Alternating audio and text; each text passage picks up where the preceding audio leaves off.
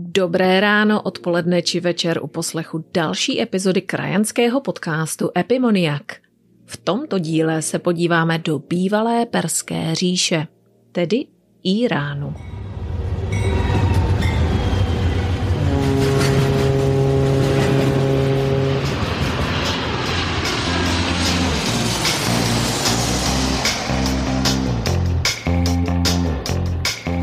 Ještě jednou vás zdravím z Čilské pouště, jmenuji se Alena Cicáková a povídám si s krajany či jejich potomky, kteří žijí po celém světě.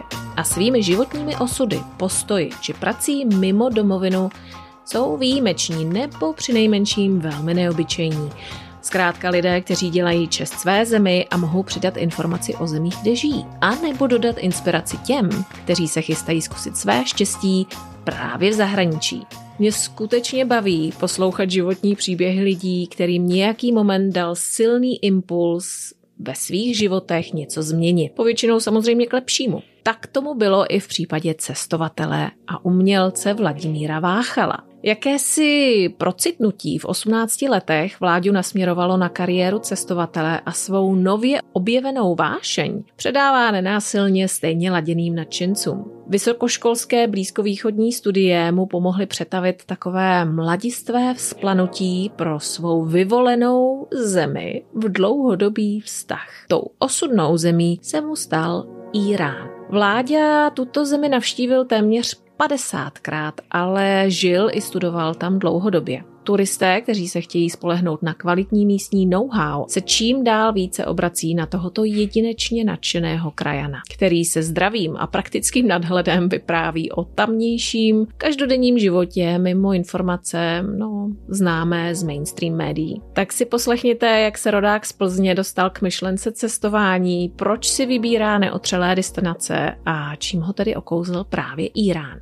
Komentovat můžete jako vždy na Facebooku, Epimoniak Podcast, nebo na Instagramu, LinkedInu, a nebo mi napište jako vždy na alena zavináč epimony.ac.com. Přeji příjemný poslech.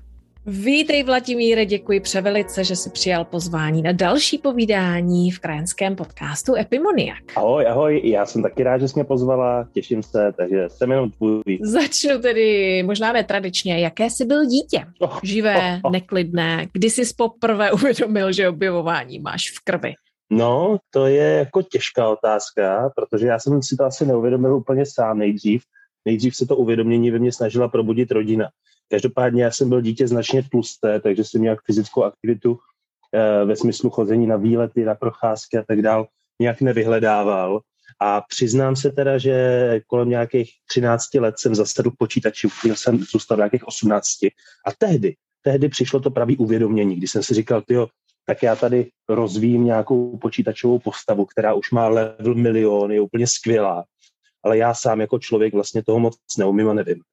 Takže v těch 18. Jasně. A ty, jako ty jsi byl IT? Ty jsi studoval IT? Nebo ne, ne, ne. co jsi rozvíjel přesně? Já jsem, eh, já jsem se učil v různých uh, počítačových programech spíš jako samouk, ale hlavně jsem hrál uh, online hmm. hry což mi strašně pomohlo s angličtinou, jo, protože já jsem už tehdy vlastně neustále komunikoval s různýma hráčema a vždycky to bylo uh, anglicky, takže strašně moc slovíček a ve škole jsem měl pak výhodu.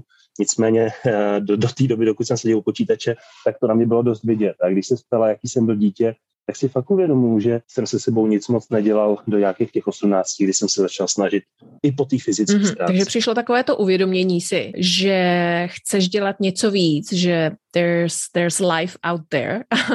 No, Kdy jsi teda poprvé vyjel za hranice České republiky? A kam to bylo? Úplně ten první trip. A myslíš trip uh, sám za sebe? Sám za sebe, úplně sám za sebe. Tak to bylo Slovensko. Když jsem se vydal vlakem uh, do Nitry a tam jsem právě chtěl potkat jednu Slovenku, se kterou jsem hrál počítačové hry, tak jsem si říkal, že jsme se mohli potkat naživo. Navíc se mi podle fotky líbila, takže dostatečná motivace. Dobře. Byl jsi ale vždycky takový zvídavý, jako v přístupu k novému tedy? Nebo jsi měl takovýho toho vnitřního soudce, který ti říkal, takhle je to přece špatné, u nás to děláme jako jinak. Upřímně, já si pamatuju, že ještě někdy ve 13 letech jsem měl uh, s rodičema na dovolenou. Uh, mám pocit, že to bylo uh, na Porto Rico, se nějak podařilo sehnat poměrně levné letenky. A velkou část té dovolené jsem jakoby pročetl knížku a to si z toho vlastně nepamatuju. Řekl bych, že na mě rodina tehdy byla trošku nadaná, že zatímco oni koukají z auta, tak já pořád čtu a když sedíme v restauraci, tak já taky čtu. Ale samozřejmě čtení se vyčítá hůř než hraní počítačových her. Každopádně eh, to byla, to byla taková, taková vlastně etapa, kdy jsem si říkal, ty ale jako fakt, jako super, ta knížka ti ukazuje zase nějaký svět, ale ty žiješ v tom reálném světě. Mm-hmm. To bylo ještě předtím, než jsem si to teda uvědomil s těma počítačovými hrama, ale to byl takový jako prvotní moment a tu cestu si pamatuju právě proto, že jsem na ní vůbec nedával pozor a nevěnoval se tomu, co je kolem mě, ale jenom jsem čet. No a pak jsem přešel teda naplno na ty počítačové hry a až potom, po té 18. došlo to plné uvědomění, že vlastně ty, když já jsem člověk, který má ruce, nohy, oči, můžu se po světě pohybovat, můžu koukat a můžu hlavně zdokonalovat sám sebe. A měl jsem takovou tu výhodu, že mě ta vlastně uh, herní závislost uh, dovedla k té angličtině a vůbec k jazykům všeobecně, protože když člověk potom vyjede do světa, tak první, co zjistí, že by se měl naučit nějaký ten jazyk. Že? Takže to byl možná i důvod, proč jsem nejdřív volil to Slovensko. Mm-hmm. Vůbec jako dos, dospívání, že jo, to je kapitola sama pro sebe, pro nás všechny, takže si myslím, že... Ale třeba si ji užít. To jo, to, to jo, spousta no, lidí podle ale pra... mě nedělá, víš? Jak říkám, to je kapitola sama pro sebe a já si právě myslím, že je hrozně důležitý, obzvlášť tady v tomhletom období, um, nějakým způsobem ukázat, proč je důležitý cestovat. Souhlas. Ty jsi procestoval těch zemí strašně moc. A, ale ne úplně takové ty tradiční cestovní eh, destinace. Ty jsi byl v Bhutánu, v Bolívii, Maroku, Guatemala. Podle čeho vlastně si ty země vybíráš, kam se podíváš? Protože třeba například cestovat do Severní Koreji by nenapadlo jen tak někoho. Co tě zavedlo právě tam a, a jaký vlastně jakoby nejsilnější, nejvíce vypovídající zážitek ze Severní Koreje třeba máš? Tak uh, zrovna ta Severní Koreje je zajímavý příklad, protože tam mě napadlo jet kvůli tomu, že jsem chtěl vydělat peníze. No, což znamená, začal jsem se prosezovat na cestovatelské scéně jako někdo, kdo dělá přednášky, povídá o cestování, generuje tím nějaké jako vedlejší zisk a říkal jsem si, potřebuju senzaci. A když se to spojí s mojí touhou jezdit do míst, kam se normálně nejezdí, tak Severní Korea je prostě perfektní adept. A říkal jsem si, že to bude úžasný, protože mi to vydělá na další cesty, protože Severní Korea prostě baví. Když se řekne Korejská lidově demokratická republika, tak třeba lidi tolik neví, ale když se prostě řekne Severní Korea, každý hned ví, o čem se mluví, přestože vlastně jako neví. Jo, těch spekulací a těch věcí kolem tady země je strašně moc a já rozhodně nemůžu říct, že to, co mi bylo ukázáno, ne to, co jsem viděl, ale to, co mi bylo do ukázáno, protože když jsem chtěl něco vidět a mm-hmm. ne, nechtěli mi to ukázat, tak jsem to prostě nemohl vidět. Jo?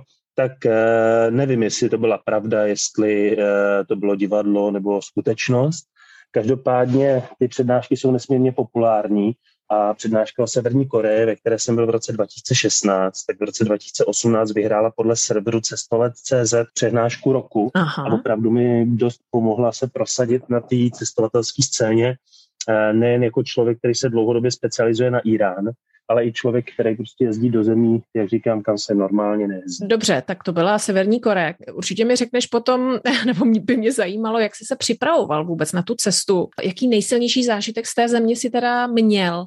Samozřejmě dáme odkaz k, k té přednášce, pakže uh, je někde volně dostupná. Ale třeba takové ty, ty země, Bolívii už jsme tady měli, k Maroku se brzo dostaneme, ale Guatemalu nebo Bhután, a jak se k tomu vlastně rozhodl? No, hm, tak předně s tou Severní Koreou eh, příprava byla jednoduchá, protože já jsem jel tou nejjednodušší cestou tady v rámci zájezdu, takže vlastně cestovní kancelář česká cestovní kancelář, která si koupila vlastně severokorejskou tour přímo od jediný eh, funkční a povolený cestovní kanceláře, to znamená Národní severokorejská cestovní kancelář v Pyongyangu, tak mi eh, dali veškeré informace, takže ta příprava byla vlastně podle papíru.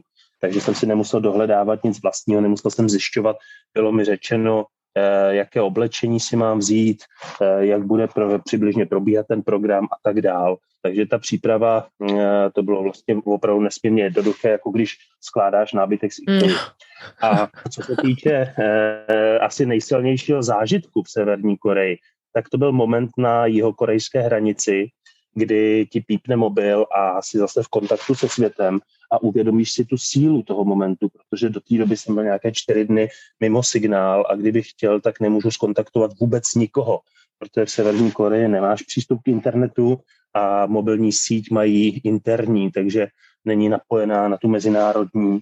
Takže až ve chvíli, kdy se mi podařilo vlastně úplnou náhodou chytit ten jeho korejský signál, tak mě zalil pocit takový zvláštní svobody. A ten pocit mě až jakoby vylekal, protože jsem se ho vlastně moc neuvědomoval jako turista. Ale v té chvíli, kdy zjistíš, a teďka můžeš, protože seš prostě u hranice toho státu, kam se severokorejci nedostanou, protože tam je to hlídaný a ty jako turista seš vzatá na tu pozorovatelnu jenom kvůli tomu, že je to hezký místo. A severokorejcům asi nedochází, že tam člověk chytí ten jeho korejský signál, protože to opravdu i v tom turistovi vyvolá strašně moc pocit, aha, teď mám kus svobody, kterou jsem neměl a neuvědomuji si to jenom proto, že jsem tady na návštěvě. Mm-hmm, ta, ta svoboda, to je velké téma právě pro mnoho lidí, co žije v zahraničí, co se třeba nemohli vůbec dostat uh, dlouhou dobu do Československa nebo Česka momentálně. Hmm, zajímavé. Je to tak, je, je to tak a já ještě musím jakoby dodat, že jak se stala na uh, ty země jako Guatemala a, a Bhután, hmm. tak uh, to víceméně většinou vycházelo z nějakého cestovatelského článku nebo dokumentu, který mě zaujal a řekl jsem si například v tom Bhutánu tam je naprosto úžasný klášter, který je na eh, takovým skalním masivu na stěně v Himalájích, jmenuje se Takt Shang, což znamená tygří skok, místním jazyce Zonga, který je podobný tibetštině. A ten klášter se mi tak strašně líbil, že jsem si říkal, tak tam prostě musím. A podařilo se mi eh, v mých vlastně nějakých 20 letech zorganizovat cestu, která byla teda eh, hrazena z rodinných peněz, což jsem si velmi cenil, že rodina byla ochotná uvolnit peníze a třeba mamka se mnou vyjela někam. Úžasný. Eh, protože ne každý, ne, ne každý jako má na to tu odvahu říct těm rodičům a ne všichni rodiče mají odvahu prostě říct OK, tak část peněz prostě nebudeme věnovat na dovolenou v Chorvatsku, ale zkusíme dát dovolenou v Ázii. Ale tento podcast je především, jak už jsem ti zmiňovala kdysi dávno, hlavně o takovém tom dlouhodobém životě v zahraničí, spíš než jen objevování a cestování, protože uh-huh. můžeš mi to vyvrátit, ale já osobně jsem přesvědčená, že jakoby kratší návštěva dané země ti ukáže jakoby takový krátký film, který vypovídá o životě a té kultuře té zemi. Tobě specificky jedna země přirostla k srdci úplně nejvíc a tou je Irán. Kdy se přiblížil k této zemi nejdříve? No, tak úplně první přiblížení, který byl tak jako zvaně nevědomý, bylo právě zase skrze počítačové hry, protože slavná hra, která se hrála v České republice v 90. Prince of Persia, klasická skákačka, možná si hrála taky, že Prince Perzie, eh, to byla no velmi populární hra, to lidi, eh, kteří jako mají k tomu trošku blízko, tak vědí, tak eh, tehdy jsem si zamiloval prostě Orient a Blízký východ. Původně jsem teda myslel, že mojí zemi zaslíbenou bude Turecko, do kterého jsem se pořádně podíval až v roce 2021. Nicméně, eh, když jsem potom na střední škole zjistil, že Perzie je vlastně dnešní Irán, jo, protože mě to připomínalo hrozně jako Turecko, který jsem jakoby znal, přece jenom je nám Evropanům daleko bližší. Myslím si, že každý zná nějakého Čecha, který byl v Turecku, ale málo kdo zná někoho, kdo byl vlastně turisticky v Iránu. No a když jsem teda zjistil, že Perzie eh, dneska existuje akorát na území teda dnešního Iránu, tak jsem si říkal, no to je úžasný, tak já to chci vidět. No a v těch 18 letech eh, jsem vlastně rodičům oznámil, že chci jet do Iránu. Reakce nebyla některá šťastná, protože samozřejmě rodiče měli ještě ve žhavých vzpomínkách výjevy eh, z večerních zpráv o islámské revoluci nebo iránsko-irácké válce, což je vlastně druhá polovina 20. století, takže je to dost blízko. A řekli, že ne. No a nakonec eh, proběhla taková diskuze, kde já jsem s tím vlastně otevřeně pořád potravoval, že pokud v rámci maturity budu mít průměr jedna celá, tak teda do Iránu můžu. A já jsem oponoval s tím, že říkali, že do Iránu mohou pouze z cestovní kanceláří, že s tím nemám problém ale jestli teda budu mít průměr jedna celá, tak bych byl rád, kdyby část těch nákladů uhradili. No a táta, protože si myslel, že jako jedna celá mít nebudu, tak řekl OK. A já jsem se hodně zasnažil a maturitu jsem dal na jedna celá, tím pádem doma řekli, no dobrá, tak si do toho Iránu jeď a mohl jsem vlastně vycestovat a uh, oni lidé, uh, málo kdo to ví, já jsem byl poprvé v Iránu s cestovní kanceláří, až ty další návštěvy byly už solo. Mm-hmm. No dobře, tak mi řekni úplně první pocity, když si z cestovní kanceláří teda dorazil do Iránu. Úplně první pocity. já si pamatuju, já si pamatuju, že na letišti e, nás vlastně průvodně rozházela do asi pěti taxíků, poslala nás směrem na hotel a mě překvapilo, že taxikář měl na řadící páce skleničku od čaje a vedle toho termosku. A během jízdy tu skleničku vždycky sundal, nalil, vypil, pak ji tam zase položil a klidně přes ní řadil. jo, a jeli jsme asi cca 45 minut, takže toho času bylo dost. A já jsem jako pozoroval ten svět, jak je jiný, jak to písmo je jiný, jak prostě ty lidi jsou jiný a všechno jiný. A úplně jsem z toho byl jako nadšený. A vím, že tady to byly první vteřiny v Iránu. A já jsem si tu zemi zamiloval během následujících několika dní tak moc, že po návratu jsem eh, vlastně se přihlásil na kurzy perštiny v Praze, přestože jsem tou dobou žil v. A jak to teda probíhalo? Jako ono opravdu naučit se farsi si myslím, že je v celku náročná záležitost. Ale tak, jak se říká, když je člověk nadšený, tak eh, ono jde všechno, že jo, když se chce. Ale No, tak. takže ty jsi měl určitý nějaký základy uh, toho jazyka, než si se teda úplně potom zase znova vypravil do toho Iránu a pak se rozhodl pro vlastně jako dlouhodobější studium toho mm, perského jazyka. Jo, z dnešního pohledu můžu říct, že ty základy byly vlastně položeny i při té první návštěvě, kdy jsem nic neznal a jenom jsem se učil slovíčka, základní fráze. Jo, tak mě ten mm-hmm. jazyk vlastně oslovil. No po návratu do Česka jsem vyhledal uh, kurzy perštiny s chodou okolností, uh, lektorovala uh, průvodkyně, která s náma byla v Iránu, takže jsem ji už znal a měl jsem obrovský nadšení pro to. A říkal jsem si, že pokud se ten jazyk chci naučit dobře, tak tam musím jít znova, zkoušet to. A já jsem člověk, který vždycky říká ostatním, uh, ne, nestyďte se mluvit, i když mluvíte jako totální Tataři, protože to je přesně jako můj způsob uh, učení se jazyka. A vždycky říkám, že učit se jazyk je jako jít na, do lesa na houby, jo? to je úplně stejný. Buď jako můžete chodit a občas nějakou toho houbu seberete, anebo fakt hledáte jo, a koukáte se pod ten mech a prostě snažíte se jich najít co nejvíc. A to člověk přesně může udělat, když je v té zemi. Jo, to je, protože můžeš mluvit s úplně každým, doptávat hmm. se, můžeš si trénovat třeba větu, kde autobus se nádraží s deseti náhodnými lidmi, poslouchat, jakým způsobem mluví, že někdo poliká koncovky, že někdo zase dává důraz na písmeno R a tak dál. A když se chceš jako naučit ten jazyk, tak musíš do té země. A to já jsem cítil strašně moc silně, že jsem se přihlásil na univerzitu v Teheránu na institut Dechoda pro cizince, kteří se chtějí naučit persky a vlastně ve výsledku eh, tu perštinu vystudoval přímo. No to je úžasný. A tak mi řekni, ty jsi tam přihlásil, ale z, z praktického hlediska, teda jak, jak to vůbec funguje? Ty jsi tam teda potom byl ně, několik měsíců, předpokládám, jako kde jsi bydlel, uh, jak jsi to měl se, se zdravotním pojištěním, z praktického hlediska, jak jsi na to šel? Tak co se týče pojištění, tak jsem si udělal normální pojištění, jako kdybych byl turista, takže cestovní, protože už není důležité, jestli si tam koukáš na památky nebo tam sedíš ve třídě. Co se týče ubytování, tak to jsem si zařizoval přes ten institut. Je fakt, že když je člověku nějakých 21, tak spoustu jako problémů a nástrah, který dneska o deset let později jako vidím, aniž bych udělal první krok, jo, tak tehdy nevidíš. Takže je to všechno daleko víc easy. Pokud nemáš kolem sebe dost eh, starších, moudřejších lidí, kteří ti říkají, na tohle si dej pozor a na tohle si dej pozor, tak se tě tak nějak automaticky zdrží i takový to štěstí toho začátečníka, že ty věci prostě Eh, přestože eh, jsou komplikovaný, tak nějakým způsobem jdou a dneska už si člověk ani nepamatuje, jak něco zařídil. Přitom, kdyby to měl zařizovat dneska, tak si nad tím láme hlavu. Že? No jasně. Jo? Mm-hmm. S těma zkušenostmi člověk najednou zjišťuje kolikrát v životě a na tohle musím dát bacha a tohle se mi stalo, tak si na to musím dát pozor. Ale když jako, jak je kolem těch 20 a začínáš, tak vlastně všechno je strašně jednoduché. A jestli chceš říct, tak vlastně se přihlásit na nějakou zahraniční univerzitu, tak je to úplně jednoduchý. Prostě jim napíšeš e-mail a oni ti napíšou, aby si jako přijela. Ale Teheránská univerzita mi na pět e-mailů neodpověděla a na ten poslední, co jsem jim posílal, tak mi odpověděla až za dva měsíce. Takže je třeba občas i vydržet. Tam to bude asi hodně kontrolované, filtrované a budou se ti proklepávat samozřejmě už jenom na základě třeba nějakého e-mailu, předpokládám. Já tím musím zklamat. Uh, vůbec tak to není. Ne. Tam je úplně každému jedno, jakoby, uh, co vlastně, jaký máš profil, nikdo to neřeší. Uh, důležitý je, uh, aby si měla výzum a aby si prostě splnila ty podmínky, které jsou nastavené na místě, co se týče například platby, vyplnění různých formulářů, nahlášení se v kanceláři, získání indexu a tak dál.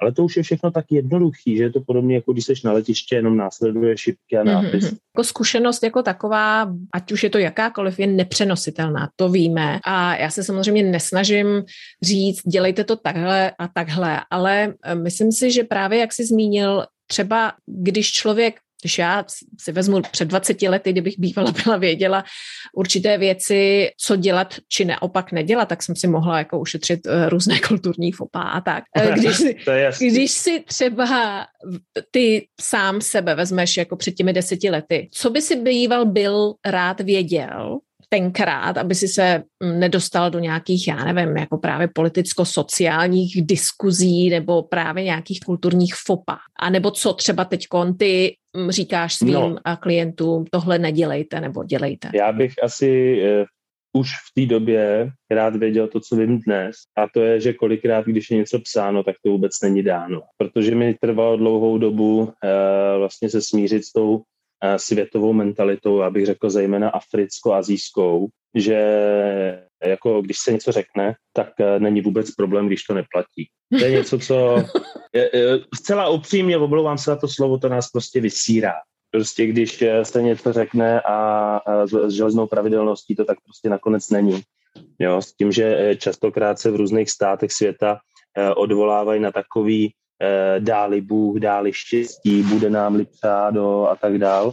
A to je takový to automatický nepočítání. Jasně. No dobře, tak jaké je teda, co by, co by krajané, kteří, dejme tomu, tě budou kontaktovat a chtěli by se dostat, uh, chtěli by aspoň navštívit Irán. Máš nějaké své desatero nebo nějaké základní pravidla, které musí um, respektovat, akceptovat a s, jako, s jakými mentálními vzorci by vůbec do toho Iránu neměli jezdit? Uh, takže nějaký desatero? No nemám, ale můžu z toho zkusit jako vytvořit. Eh, předně třeba říct, že když jedete do Iránu, tak uh, tam nefungují kreditní karty, takže si člověk musí přivést hotovost.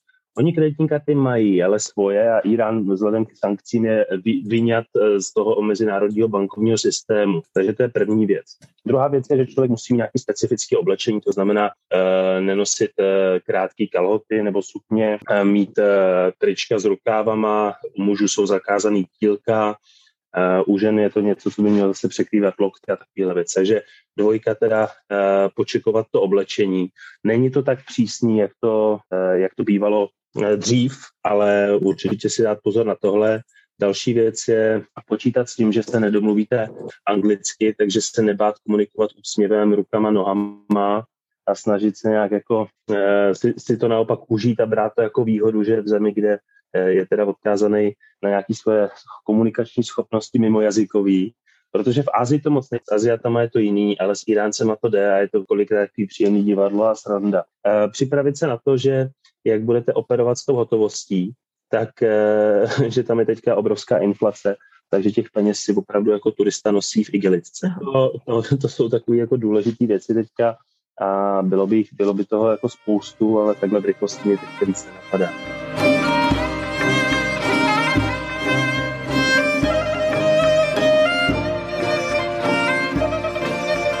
Se dostanou asi k, opravdu k jádru věci, jací vlastně mimo mainstream média, eh, jací Iránci jsou.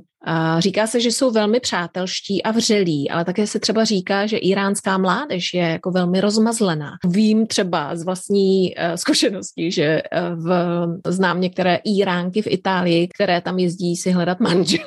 No jo, ale to je, to je ano, dě, děje se to. Uh, tak takhle, iránská mládež. Řekl bych, že ta bohatá opravdu je často rozmazlená, ne, že ne. Každopádně iránská mládež, velká její část je značně chudá.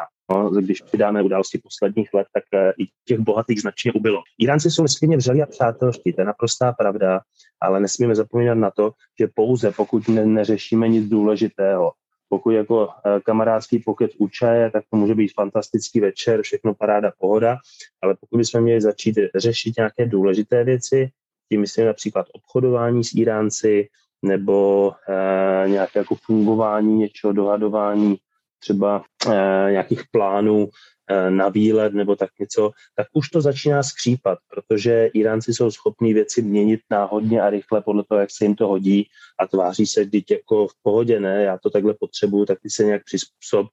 A častokrát eh, prostě nedrží slovo ve věcech, ve kterých Evropani hm, prostě považují že, že to slovo se jako musí držet, že přes to vlak nejede. To znamená, jestliže s někým uzavřu obchod, tak počítám, že mi zaplatí a ne, že eh, najednou po dodávce půlky věcí začne říkat, že tu druhou polovinu zálohy eh, nepošle, že mi pošle malovaný talíře, který jsou prostě super a můžu si je prodat v Evropě a začne dělat jako obstrukce, to potom o nervy.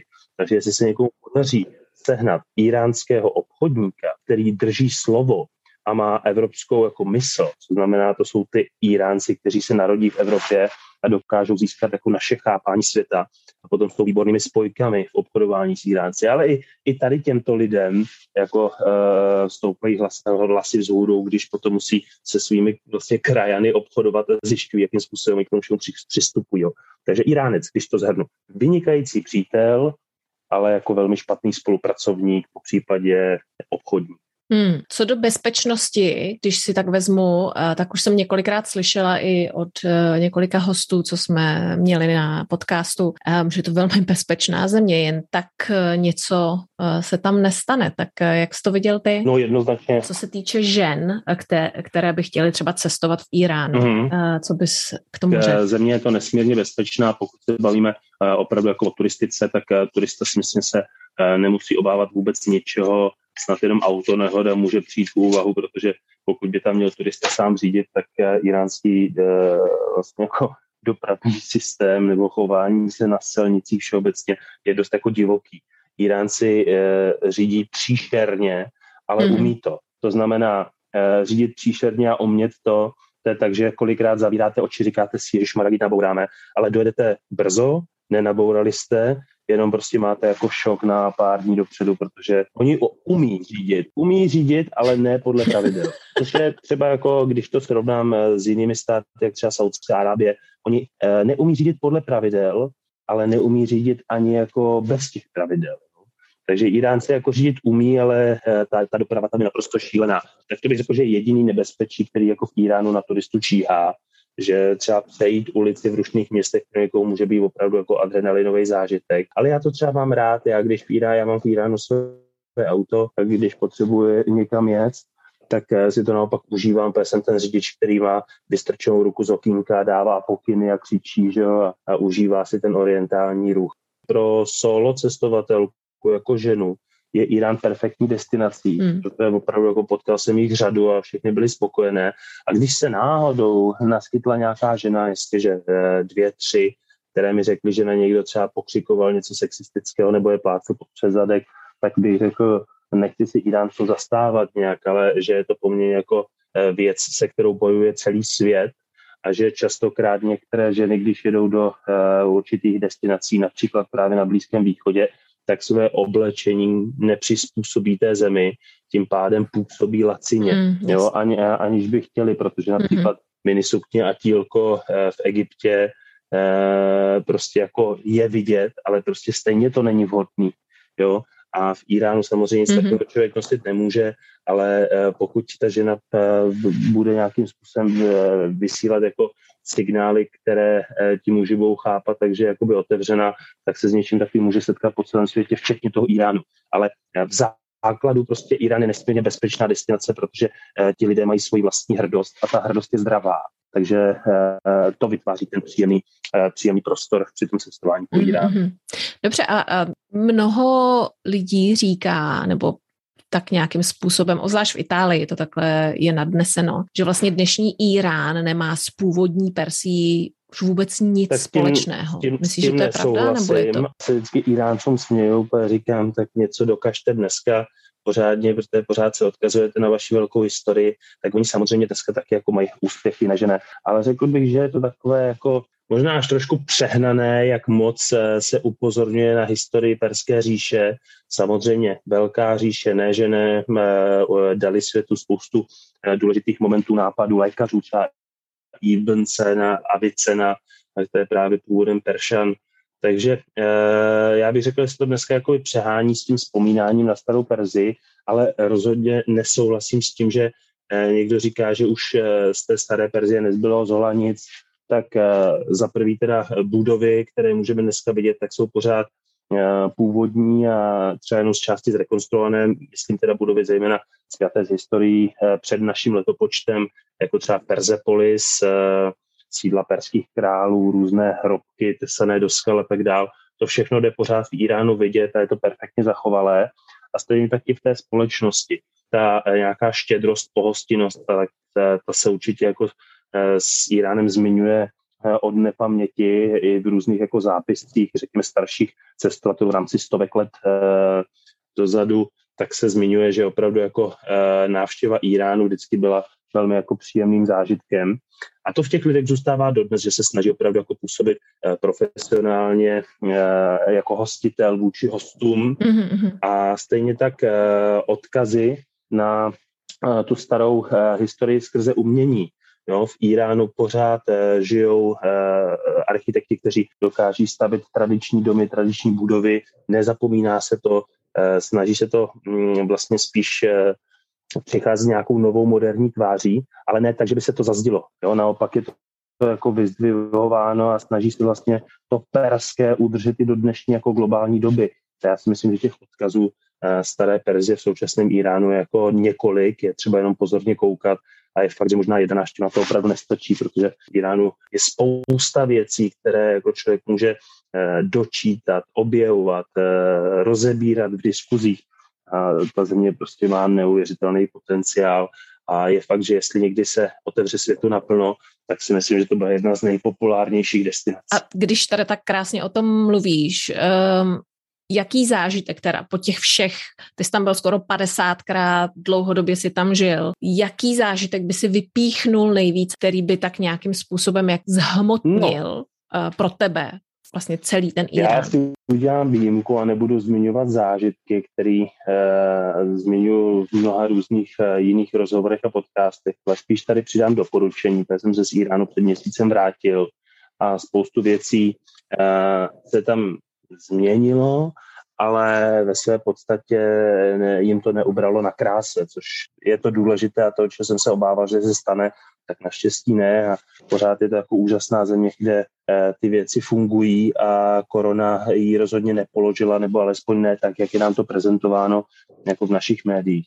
Já bych chtěl říct, že nejkrásnější zážitky mám asi z Teheránu a z města Jast. A teď bych chtěl posluchačinu upozornit, pokud pojedou do Iránu, tak prosím vás, Teherán eh, si nechte na úplný závěr, protože to město je tak obrovské, chaotické a komplikované, že začínat s ním tak eh, nejen, že vás to velmi rychle unaví, ale ještě to město odsoudíte a to je velká škoda. I Teherán by teda měl být opravdu městem, který si užijete a poznáte tam tu moderní tvář Iránu, kterou zase v jiných městech moc nevidíte, protože trávíte většinu času v historických centrech a jdete po těch stavbách, budovách, které jsou třeba z toho 13. 16. století. Takže určitě jako Teherán, ten mám na sebe řadu krásných zážitků i míst objevování a potom, eh, pokud bych se podíval historicky, tak by to bylo určitě město Jas, protože i Marco Polo ve svém cestopisu Milion vlastně zmiňuje Jas jako místo, kde zůstal delší dobu, protože se mu tam líbilo a jasně naprosto souhlasím. Mně se taky vězdu hrozně líbí a říká se, že Jas je jedno z nejstarších měst světa a často se vedou spory o tom, jestli je to tady palestinské Jericho nebo iránský Jas.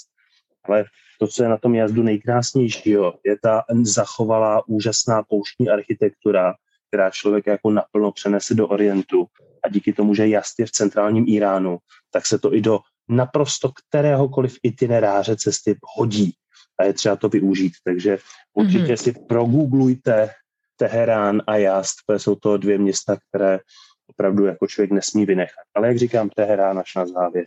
Můžeš mi doporučit nějakou specifickou knihu pro všechny, kteří by si chtěli nějakým způsobem načíst něco o Iránu, nebo kromě teda té tvé, ve které popisuješ 777 příběhů, to vše dáme jako popisu epizody, eh, něco opravdu, co by dokázalo dát uh, představu o zemi, kterou tak zbožňuješ? Tak já bych si dal, dovolil doporučení dát dvě pro lidi, kteří opravdu v rámci Iránu chtějí jít eh, do hloubky, tak bych doporučil eh, paměti poslední eh, císařovny Farah Páhlaví, tedy manželky posledního šáha Mohamada Rézy Páhlavího, protože tam opravdu mezi řádky je možný pozorovat ty změny v Iránu i ten postup, kterým se ta země vydala do dnes. Takže to je pro ty, kteří chtějí opravdu jako do toho zabřednout. A pokud bych měl jako najít nějakou lehčí četbu, která by člověka mohla zaujmout, tak myslím, že i v dnešní době je to kniha Davida Gladiše Hedvábná stezka, kde je asi 20 stránková, jestli se nepletu, kapitola věnovaná Iránu a to pro mě byla jako prvotní knižní příprava a myslím si, že v té době vlastně byla naprosto perfektní. To je tak jako laický, když člověk s tím nechce trávit moc času, ale chce si koupit něco, tak asi tuhle tu knížku, protože eh, je v ní zpracovaný i Pákistán, Turecko eh, a další destinace, včetně Afganistánu, je člověk pak má i srovnání s těma ostatníma zeměma. A ono vždycky, když se připravujete někam vyrazit, tak bych řekl, že lidi často dělají chybu, že vůbec se nepodívají třeba, jaké země jsou v okolí, protože kolikrát samozřejmě ty okolní země mají značný vliv té zemi samotné, do které jedete a člověk potom třeba spoustu věcí jako eh, nepochopí nebo nevyzkouší, nebo si naopak eh, třeba nepodívá do příhraničních oblastí některých států, které jsou zase úplně jiné, než by čekal. A mi se častokrát třeba stává, že v případě Iránu lidi říkají, no ale je to takový jako všechno na jedno brdo a to je jenom o tom, že právě třeba jako se drží jenom v tom centrálním Iránu a nejedou třeba na jih, kde je kultura zase víc arabská, nejedou třeba na severozápad, kde je ta kultura víc jako turkická. Jo? Takže bych řekl, že pokud někdo teda laicky, tak ještě jednou kniha Hedvábná stezka od Davida Gladiše a pokud někdo dopodrobna, tak eh, paměti poslední iránské císařovny. Dobře, já to tam k tomu dám. Poslední dvě otázky. Jakou lidskou vlastnost by si myslíš ty, by lidé měli v sobě kultivovat, pakliže by chtěli zkusit život a třeba štěstí v zahraničí. A souhlasil bys, že zkouška života v zahraničí je, je naprosto nutná na, na vytvoření osobnosti, nebo stačí skutečně jenom cestovat? No, já si myslím, že je třeba hlavně přemýšlet. Když se ptáš na uh, nějakou jako uh, lidskou vlastnost nebo to, tak mě teda jako napadlo tolerance, jo, protože ono vám to hrozně pomůže v tom jako se z toho nezbláznit, jo, pokud člověk si uvědomí, že uh, v rámci světa na čemkoliv se dohodne, tak vždycky musí mít plán B i C, protože s velkou pravděpodobností to nevíde. Takže pokud tolerance spojená s nějakým jako pochopením, samozřejmě já neříkám ne, nenaštvat se, jo, jako zakřičet si, zabouchat si pěstí do zdi jako úžasný a je to dobrý ventil, ale eh, dělat to jako pořád to pak nedává smysl. Je třeba jako umět i něco stolerovat, protože to člověku prostě v životě strašně pomůže. Myslím, že stačí chodit mezi lidi a mluvit s nimi, eh, že to vám vytváří tu osobnost, protože eh, nucená diskuze nebo nucený kontakt s jakýmkoliv člověkem ve vás na určitý věci vytváří váš nějaký osobní názor. Pokud se naučíte ho prezentovat, přemýšlet nad ním a v případě toho, že uznáte, že byste ho měli změnit, tak ho dokážete změnit a znova prezentovat, tak vlastně to vytváří tu osobnost. A samozřejmě ta cestování, to cestování může být takovou berličkou, protože já třeba říkám, jestli chcete zjistit, jestli s někým vám to bude klapat ve vztahu, tak se vydejte na dovolenou na 14 dní třeba eh, na Sri Lanku, eh, když chcete větší kalibr, tak Bangladeš, ale eh, ta cesta je totiž právě kouzelná v tom, že na ní řešíte spoustu nečekaných jako problémů a zvratů, takže vám to ukáže nejen jako by vaši osobnost, ale taky vám to ukáže, jestli s tím partnerem dokážete fungovat v krizových jako momentech. Eh, jak se třeba zachová, když nestíháte autobus, jo? jak se zachová, když si zvrknete kotník při výstupu na nějakou sopku. Jo? Takže to jsou ty jako momenty, které vám pomůžou víc jako uvědomit a nějak jako sformovat své názory, ale nemyslím si, že je to nutný. Jo? Myslím si, že eh, nějakou jakoby osobnost v pozitivním slova smyslu dokáže sformovat eh, někom i normální diskuze na, nád, na nádraží hospodě. Jo, když, proč ne? Kdyby ty si měl osobně nějakou možnost a prostě neomezený přístup eh, k prostředkům, jakýmkoliv, ať už finančním, eh, které by ti posloužily změnit, řekněme, nějaký jeden zásadní, ne, lokální nebo světový problém, jaký by to byl, proč a jak bys ho změnil? Já většinou na všechno dokážu odpovědět hned, ale můžu ti říct, že pod tíhou posledních třeba, nevím, sedmi let kdy se ve světě některé věci, které se, se dějou, jsou opravdu jako těžko pochopitelné. Člověk říká, opravdu to je zapotřebí, myslím tím různě jako konflikty a tak dále. A když se podíváme kolem sebe, tak žijeme opravdu třeba my Češi jako ve světě, který je nádherný. Amen. A člověk se jako hmm. jako říká, proč, proč vlastně jako to jim nemusí být jinak. Ale tak eh, já bych asi, kdybych měl tuhletu tuhle tu moc, tak uh, bych uh, osobně asi se zaměřil hmm. na to, aby nebyly nemoci protože e, samozřejmě nemoci jsou fajn, snižují populaci, že jo? A Přirozeně. ne, tak jako upřímně řečeno, proč na tom světě jsou, že jo? Asi proto, aby, aby prostě jako se to tady nezaplnilo. Nebo mi tak přijde, jakože jestliže si vezmeme teorii, že Bůh stvořil svět, tak jako nemoci jsou tady proto asi, aby nás kompostovali a mohli jsme tady pořád jako lidstvo nějak se vyvíjet. Protože jinak uh, ta populace by asi byla dneska už obrovská jo, ale tak jako eh, rád bych za sebe zrušil nemoci, protože třeba co se týče jako rodiny nebo přátel, ať už v Česku nebo ve světě, myslím si, že nejvíc jako smutných věcí je právě díky nějakým onemocněním. Plus ta pandemie třeba, že jo, poslední dobou. Jako to by bylo krásné. Nemá smysl asi měnit nic, co záleží jako na lidech, protože těm se stejně nedá věřit. Takže eh, to jako, že prostě lidská povaha je naprosto jako šílená, že, jo, že víme všichni, že umíme každý nějak jako lhát, každý máme v sobě nějakou takovou tu temnou stránku, kterou buď dáváme najevo nebo ne, buď se za ní stydíme nebo nás baví.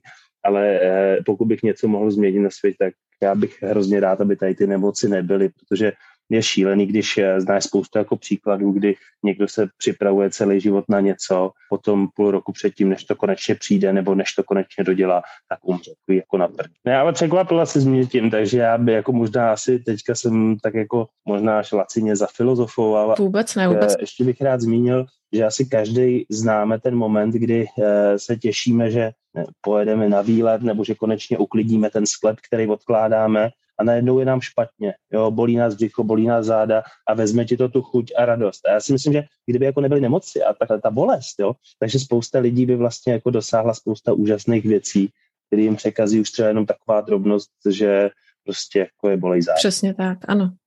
Super. Děkuju moc, moc jsem si to užila, Vládí, ať se ti jen daří ve, ve všech tvých projektech a myslím si, že ještě o tobě uslyšíme a určitě uvítám jakékoliv komentáře od posluchačů. A... Já jsem taky moc rád, ještě jednou děkuji za pozvání, chtěl bych jenom posluchači upozornit, že pokud by mě chtěli skontaktovat, tak samozřejmě není problém napsat na Facebooku nebo uh, napsat třeba na WhatsApp, takže plus 420 604 614 4550. Rád vám pomůžu s přípravou cesty, rád vám poradím. Super, díky moc. Měj se moc fajn. Taky, taky, ahoj. Tak vydáte se do Iránu? Určitě mi dejte potom vědět, nebo pošlete fotografii. Pak, když se tento podcast stal vaší inspirací na cestu. Příští epizoda bude ještě více speciální. Dostalo se mi příležitosti popovídat si se ženou, která tento rok sice slaví pět křížků, ale na jejím fyzickém vzhledu to kráse neubralo, snad spíše dodalo. Její jméno je skloňované napříč světem, nejen ve světě modelingu, ale obzvláště i pro její skromnou silnou, upřímně lidskou povahu. Jejím posláním se stalo pomáhat tam, kde to jde a tam, kde může. Život v zahraničí dal potřebný životní nadhled, ale zároveň podtrhnul, jak moc si váží a miluje svůj rodný kraj. Přátelé, v příští epizodě se můžete těšit na velmi otevřené povídání s Tereskou Maxovou. Za 14 dní naslyšenou.